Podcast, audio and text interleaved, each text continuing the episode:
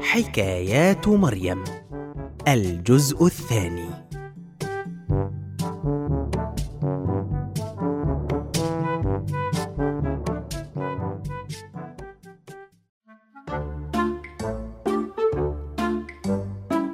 حين كانت مريم في يوم الإجازة الخاص بها وحينما كانت تقرأ كتابا عن الصلاة أحضره لها والدها.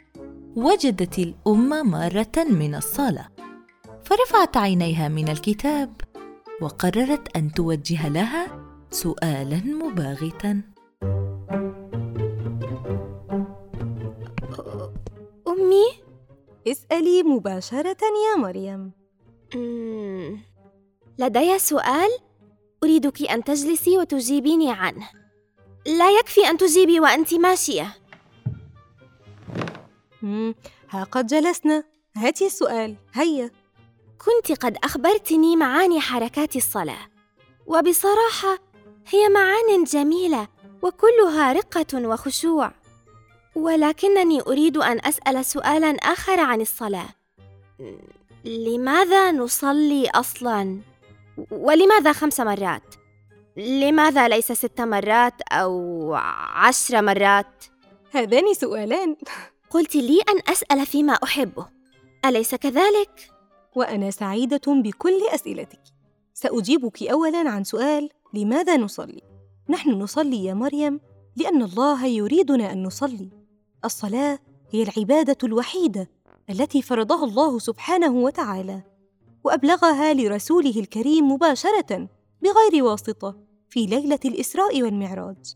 فيها يترك المؤمن كل الدنيا لدقائق.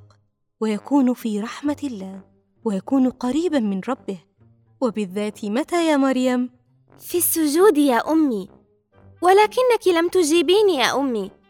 لماذا الصلاة بالذات مهمة هكذا؟ الصلاة صلة بيننا وبين الله.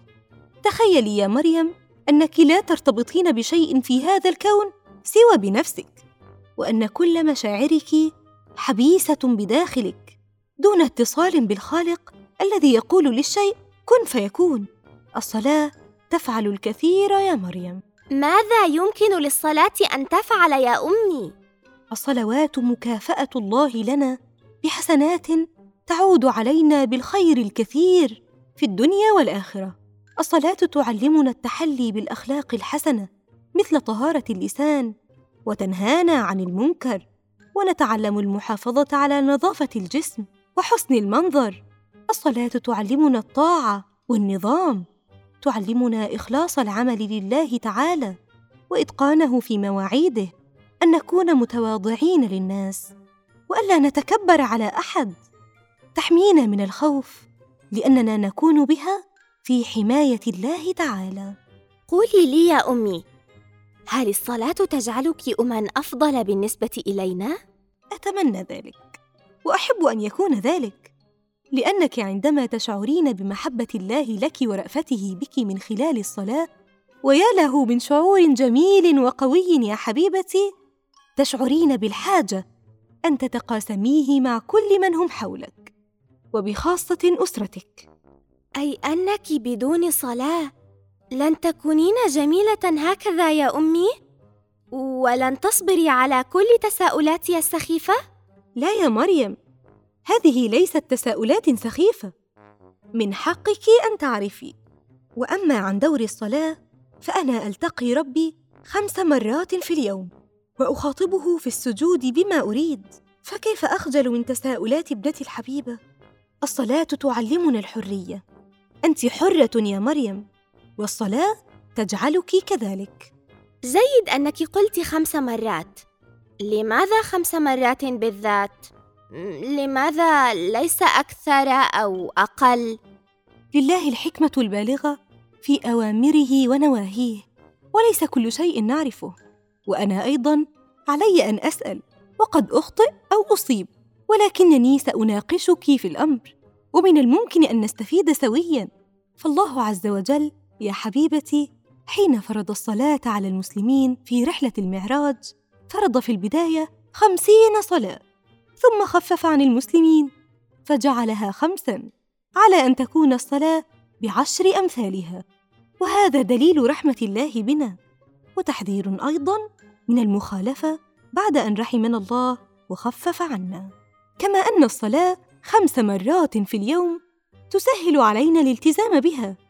تجعل العبادة سهلة على قلوبنا دون عناء كبير. وتقسم لنا اليوم خير تقسيم. حين نشعر بقيمة العبادة في يومنا وكيف تجعله أفضل وأكثر نظاما؟ رحمة الله في كل شيء.